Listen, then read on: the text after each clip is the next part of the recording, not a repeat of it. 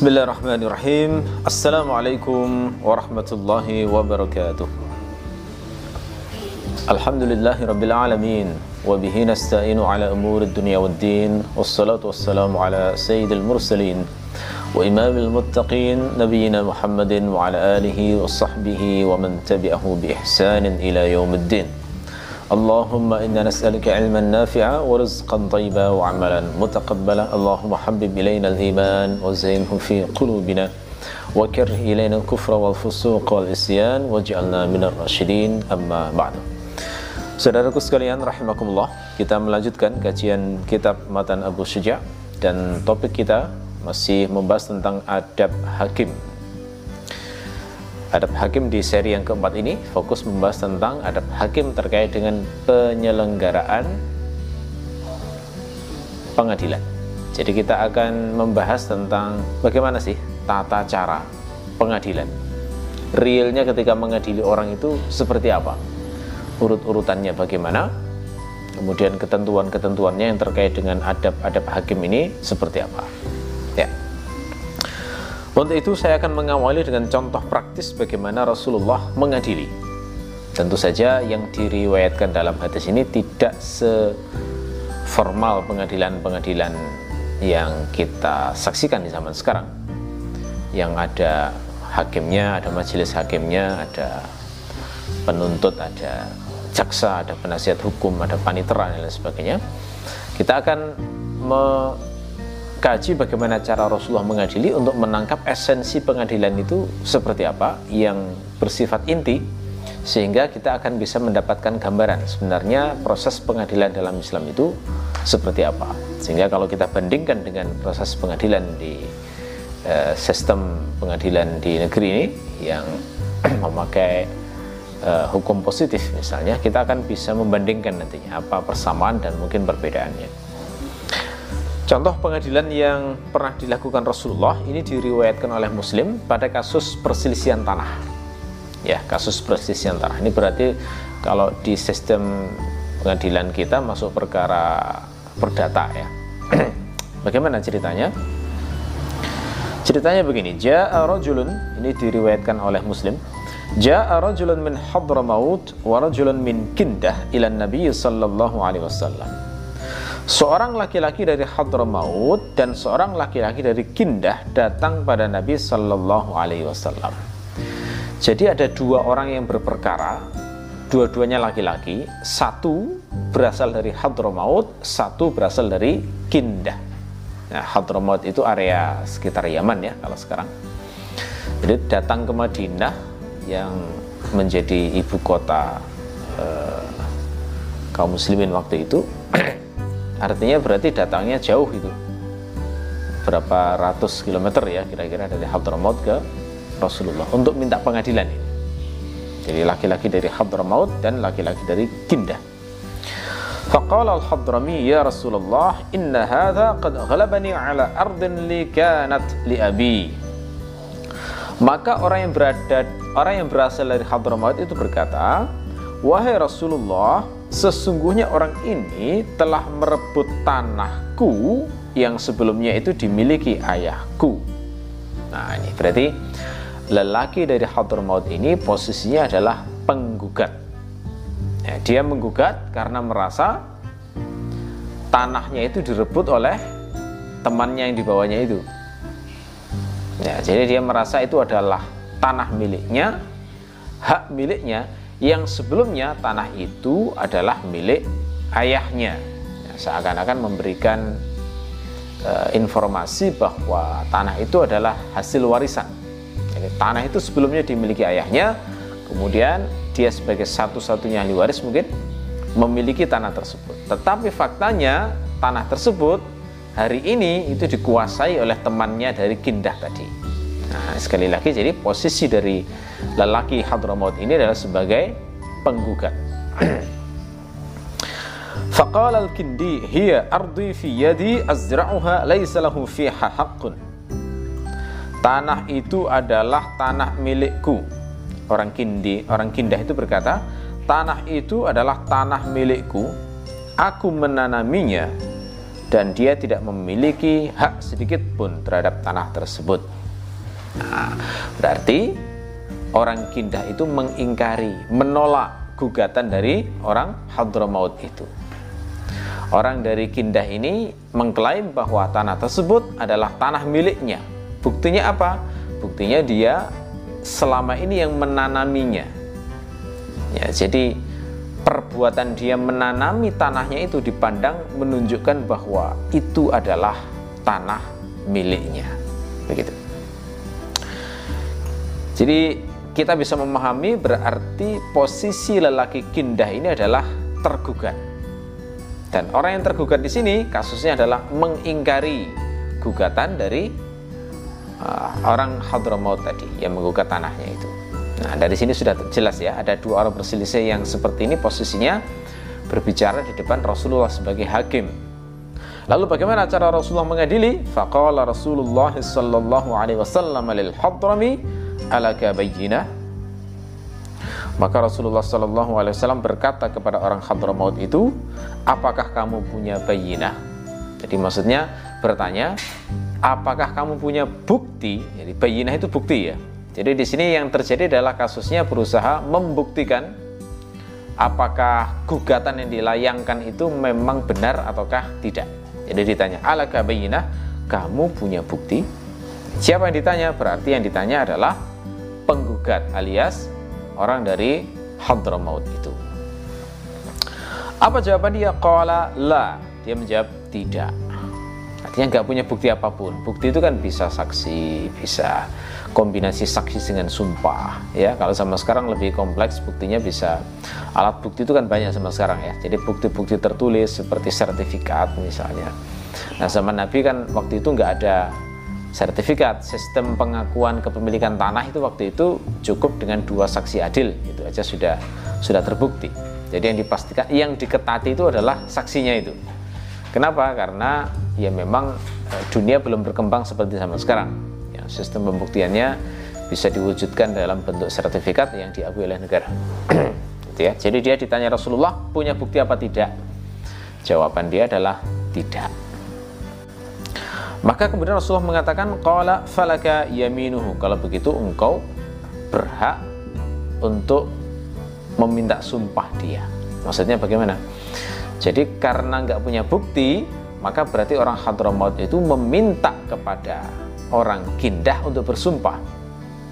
Misalnya kata-katanya begini, beranikah engkau wahai orang kindah bersumpah bahwa itu memang tanahmu?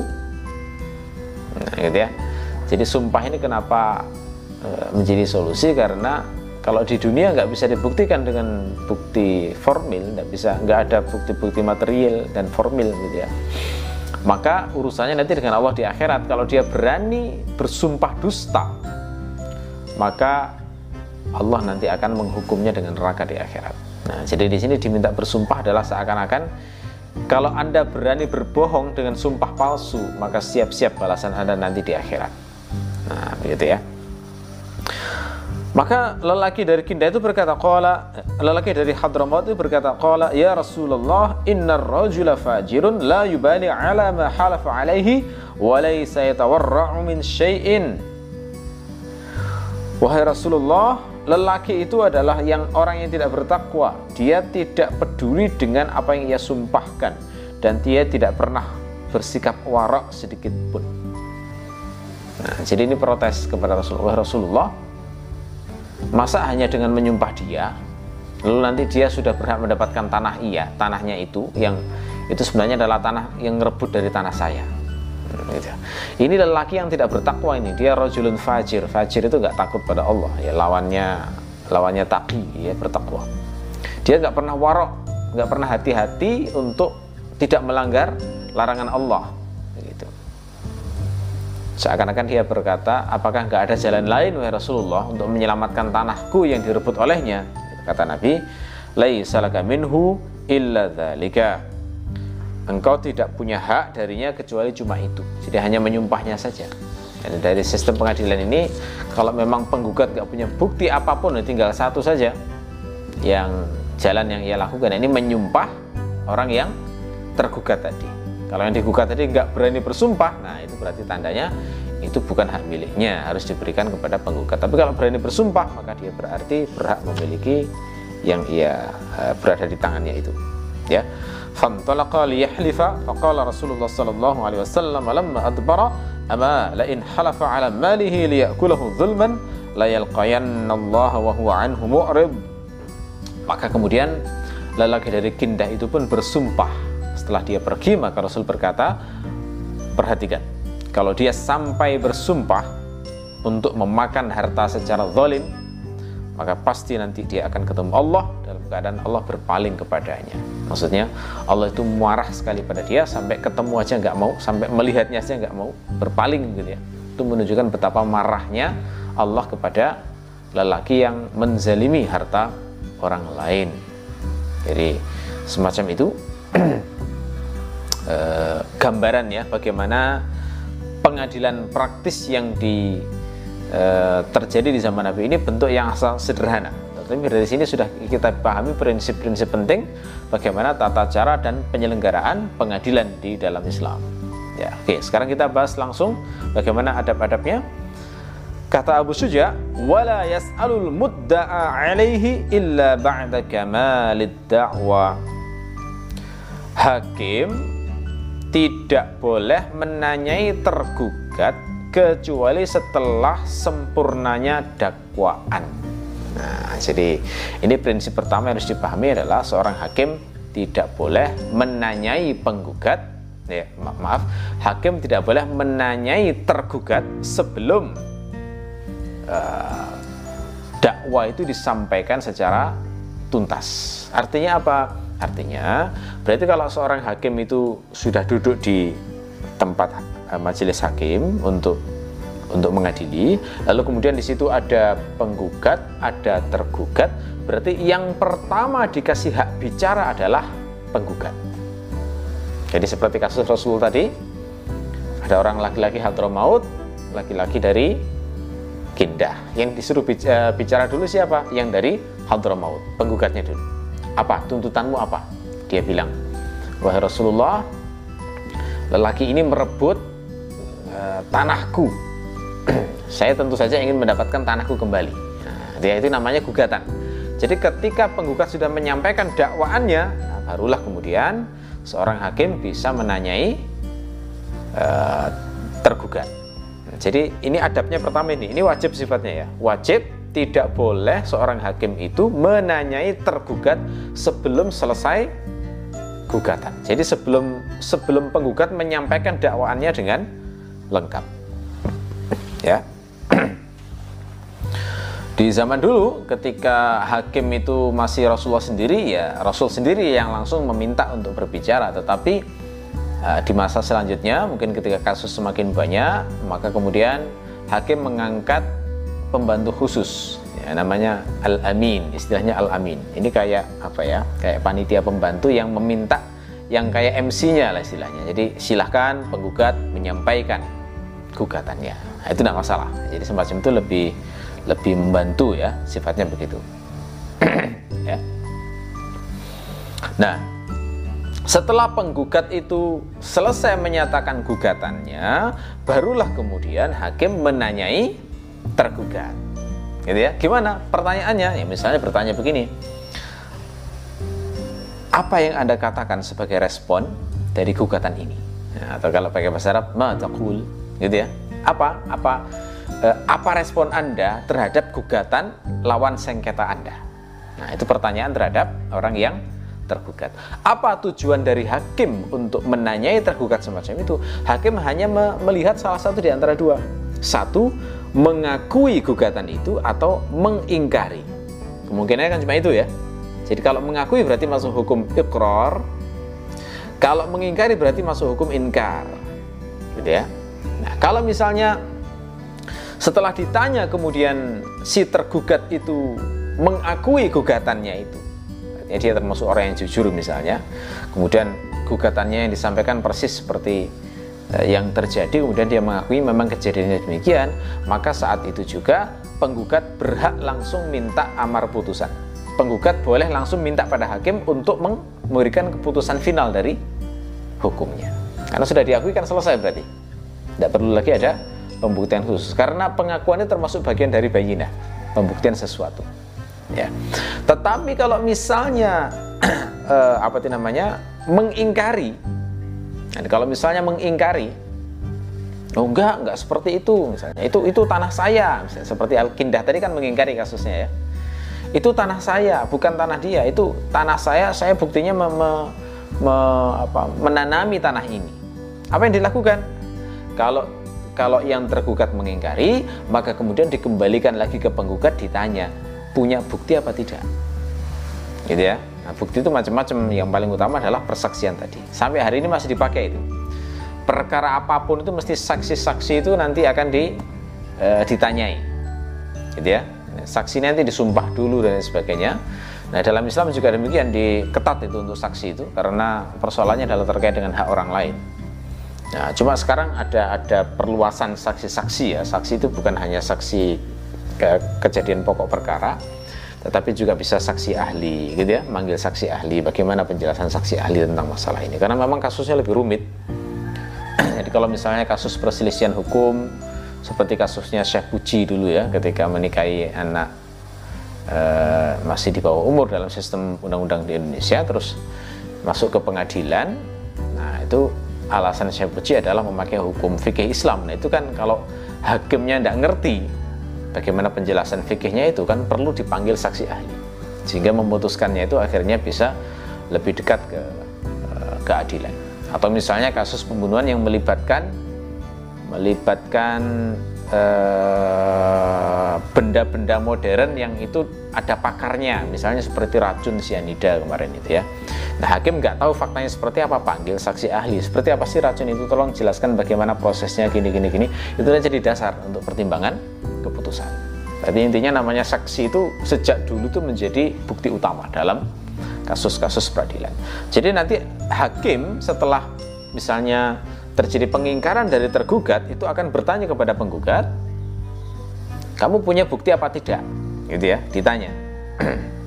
Punya bukti apa tidak? Kalau misalnya punya bukti maka itu akan dijadikan sebagai dasar keputusan. Tapi kalau misalnya tidak punya bukti maka uh, namanya tidak punya bukti maka uh, jalan selanjutnya itu adalah menyumpah. Ya dalam sistem Islam begitu. Menyumpah pihak yang tergugat tadi.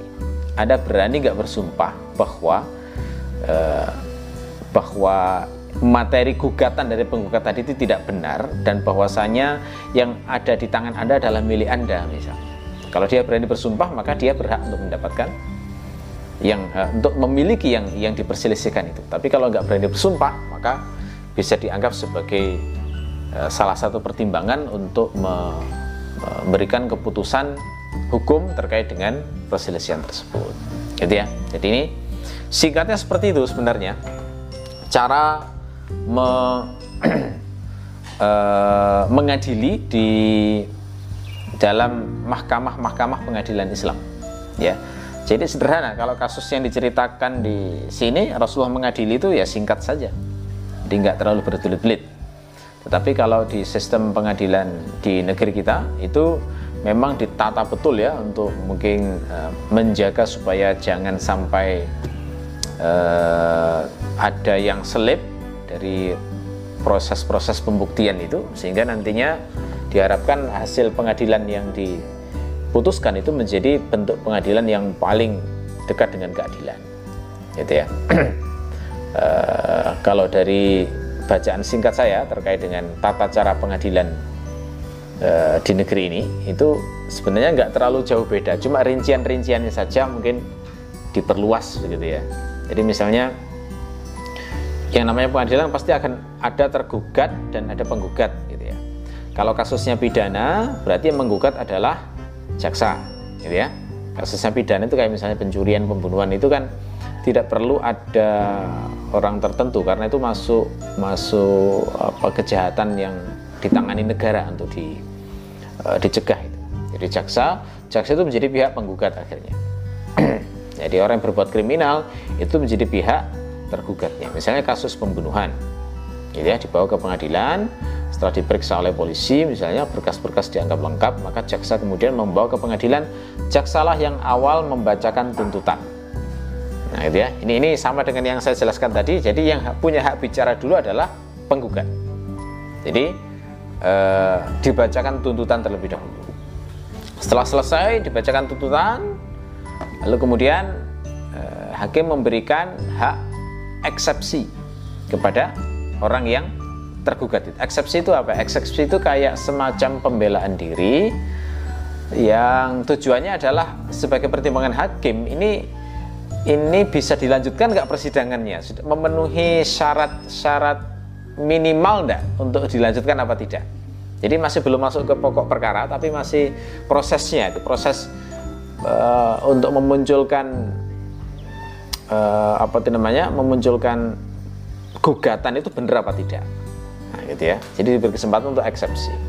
Kalau misalnya nggak nggak mau mengajukan eksepsi ya sudah nanti lanjut ke pokok perkara. Setelah terdakwa itu memberikan eksepsi, maka kemudian penuntut dalam hal ini jaksa diberi kesempatan untuk memberikan replik. Replik itu semacam tanggapan. Jadi tanggapan terhadap eksepsi itu. Tentu saja kalau targetnya ini targetnya jaksa itu adalah membantah, gitu ya.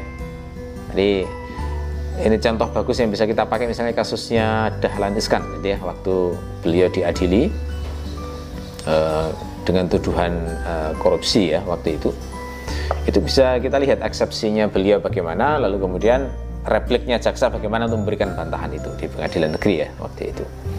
Nah setelah ini di proses ini kemudian hakim memberikan uh, putusan selah istilahnya. Jadi masih belum putusan final masih putusan antara intinya untuk memberikan eh, perintah-perintah uh, khusus ter tanggapan terhadap eksepsi dan replik itu. Begitu ini selesai, lanjutannya adalah baru kemudian ke pokok perkara. Jadi baru uh, ada pemeriksaan inti, jadi pengajuan uh, pembuktian dari gugatan-gugatan tersebut.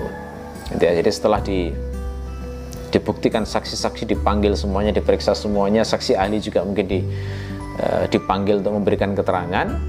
Lalu kemudian pihak tergugatnya itu di uh, ditanyai juga diperiksa juga. Nah, begitu selesai, pembuktian dianggap selesai prosesnya, termasuk konfirmasi dan klarifikasi ke pihak terdakwa ini juga juga sudah selesai, maka barulah kemudian uh, gugatan intinya di disampaikan ya. Jadi penggugat kemudian me, jaksa dalam hal ini membacakan tuntutannya. Jadi sudah lengkap gitu ya. Jadi tuntutannya misalnya penjara sekian tahun atau denda atau hukuman apa ya pokoknya dibacakan lengkap di situ. Nah setelah itu kemudian terdakwa diberi kesempatan membela diri yang diistilahkan dengan nama pledoi. Nah pledoi ini agak beda dengan eksepsi tadi. Kalau kalau eksepsi itu uh, apa namanya keberatan untuk uh, dari proses pengadilannya. Dia belum masuk belum masuk ke materi perkara, belum masuk ke, ke ketuduhan kejahatan itu. Kalau pledoi itu sudah bantahan terhadap tuntutan yang sudah ke pokok perkara gitu ya. Ya dari dari pledoi pledoi ini kemudian uh, apa namanya setelah selesai disampaikan pledoi maka kemudian jaksa diberi kesempatan untuk menanggapi. Ya, namanya adalah replik gitu ya. Diberi tanggapan apakah itu sesuai dengan fakta atau tidak. Kalau dibantah ya silahkan dijelaskan argumentasinya lalu kemudian hakim memberi kesempatan terakhir kepada terdakwa untuk membela diri yang dinamakan duplik. Jadi duplik itu uh, tanggapan terhadap replik. Begitu. Nah begitu selesai maka dianggap sudah mungkin sudah sempurna uh, pemeriksaan bukti-bukti dan lain sebagainya. Maka kemudian baru hakim uh, bermusyawarah dan memberikan keputusan final dari kasus perkara tersebut. Jadi kalau seperti ini modelnya, saya lihat secara esensi nggak nggak jauh beda ya dengan sistem pengadilan dalam fikih Islam. Cuma yang mungkin eh, soal sumpah, ya, sumpah yang dilakukan oleh eh, pihak terdakwa untuk eh, mengingkari sebuah gugatan dan itu dijadikan sebagai dasar hukum untuk keputusan hakim ini yang saya belum mendalami lebih lanjut seperti apa prakteknya di sistem pengadilan di hukum positif di Indonesia baik perkara pidana maupun perdata ya oke okay. Kemudian Abu Suja mengatakan wala yuhallifuhu illa ba'da su'alil mudda'i dan hakim tidak boleh menyumpah terdakwa atau tergugat kecuali sesudah menanyai penggugat. Nah, jadi maksudnya begini. Hak menyumpah itu adalah haknya penggugat. Jadi nggak bisa tiba-tiba menyumpah hakim itu, tapi harus tanya dulu Anda mau menyumpah, Anda mau menyumpah tergugat apa tidak, begitu. Jadi harus dapat izinnya. Kalau misalnya nggak mau menyumpah ya ya sudah, tidak uh, tidak perlu tidak perlu diminta bersumpah. Tapi kalau misalnya penggugat minta bersumpah, maka itu haknya. Gitu ya. Jadi seperti yang kasus dicontohkan Rasulullah di sini, Eh, pada saat orang Hadramaut ditanya kamu punya bukti apa tidak? Dia menjawabnya adalah tidak. Maka Nabi mengatakan falaka yaminhu. Kamu punya hak untuk menyumpahnya jadi kata-katanya adalah lam pakai kata laka. Laka lamnya lam istihqaq di lam yang menunjukkan hak. Jadi kamu punya hak untuk menyumpahnya. Artinya berarti apa? Andai kan orang Hadramaut itu tidak mau menyumpah ya sudah selesai. Artinya nggak punya bukti ya juga. Tetap hukum asalnya kembali kepada Eh, orang kindah itu tadi. Tetapi dia untuk memastikan nah, kalau dia memang orang yang takut kepada Allah boleh punya hak untuk menyumpah itu sehingga tahu apakah itu memang benar-benar haknya ataukah tidak. Ya itu yulaqqinu khasman hujjatan wala yufhimuhu kalaman ya. tidak boleh hakim itu mengajari salah satu pihak yang bersengketa dengan sebuah argumentasi dan tidak boleh pula mengajarinya ucapan tertentu. Nah, jadi tidak boleh misalnya kamu bilang gini saja kepada salah satu bilang eh, kepada salah satu pihak yang berselisih atau mengajari cara mengingkari atau mengajari cara bersumpah yang aman atau mengajari cara mengakui dan lain sebagainya nggak boleh kenapa karena itu menunjukkan tidak adil jadi hakim itu harus benar-benar adil, harus benar-benar netral. Ketika terjadi kasus perselisihan itu dibiarkan sesuai dengan uh, kondisi mereka dan sesuai dengan pengetahuan mereka. Ya, nah, makanya mungkin dari sisi ini diperlukan penasihat hukum yang namanya pengacara itu ya. Karena nggak semua orang ngerti bagaimana tata cara peradilan, tata cara hukum sehingga bisa jadi orang itu mestinya dapat hak tapi dia nggak dapat haknya karena nggak ngerti bagaimana cara memperoleh hak itu secara hukum. Atau orang itu mestinya nggak dapat hukuman tapi dia mengucapkan kata-kata yang membuat dia terhukum sehingga akhirnya dia menjadi kena hukuman. Gitu ya. Di kasus-kasus pidana sebelum masuk ke pengadilan itu kan biasanya orang yang melakukan tindakan kriminal diperiksa dulu oleh polisi itu tujuannya apa ini? salah satunya adalah mencari pengakuan jadi kalau sudah dilaporkan itu ya, apalagi biasanya kalau di di negeri-negeri barat itu uh, interogasi itu kan direkam gitu ya. dijadikan alat bukti itu soalnya di pengadilan nanti makanya uh, apa itu namanya uh, di sistem peradilan barat itu kalau orang ditangkap itu mesti diberi diberi informasi anda berhak diam maksudnya nggak ngomong apa pun ya anda berhak diam karena kalau ngomong itu ada alasan menjadi saksi untuk memperberat vonisnya pada saat di pengadilan. Nah, itu dalam kalau dalam sistem fikih Islam itu orang mengucapkan sesuatu kalau sampai itu redaksinya adalah berbentuk ikrar, pengakuan terhadap sesuatu itu menjadi alat bukti nanti. Gitu ya. Nah, itu makanya di kepolisian ada interogasi itu kepentingannya di antaranya itu untuk membuktikan kalau memang dia mengaku sebuah perbuatan tertentu itu menjadi itu masuk di, di pembuktian nanti dalam proses peradilan ya ya sebenarnya kalau kalau soal tanya-tanya nggak masalah. Yang penting tidak ada unsur menyiksa ya. Kadang-kadang kan itu yang jadi persoalan di uh, polisi sebagai penegak hukum. Itu menanyainya itu kalau menanyainya ada unsur pemaksaan untuk mengakui sesuatu nah itu yang zalim memang. Tidak boleh. Kalau dalam tata cara penjelasan uh, tata cara pelaksanaan peradilan Islam ya ditanyai dengan cara yang makruf gitu ya. Jadi orang benar-benar uh, mengatakan sesuatu sesuai dengan kejadiannya seperti apa. Gitu. Sehingga itu ketika dibawa ke pengadilan sudah di uh, apa berkas-berkasnya lengkap semuanya kemudian dibawa ke pengadilan itu benar-benar sesuai dengan kenyataan. Gitu ya.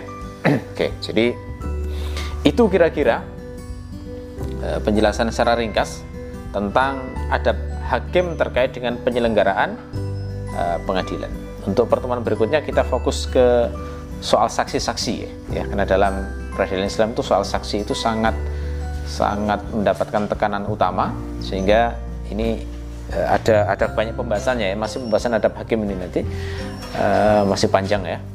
Uh, persoalan saksi ini akan kita kupas lebih dalam di pertemuan berikutnya. Oke? okay?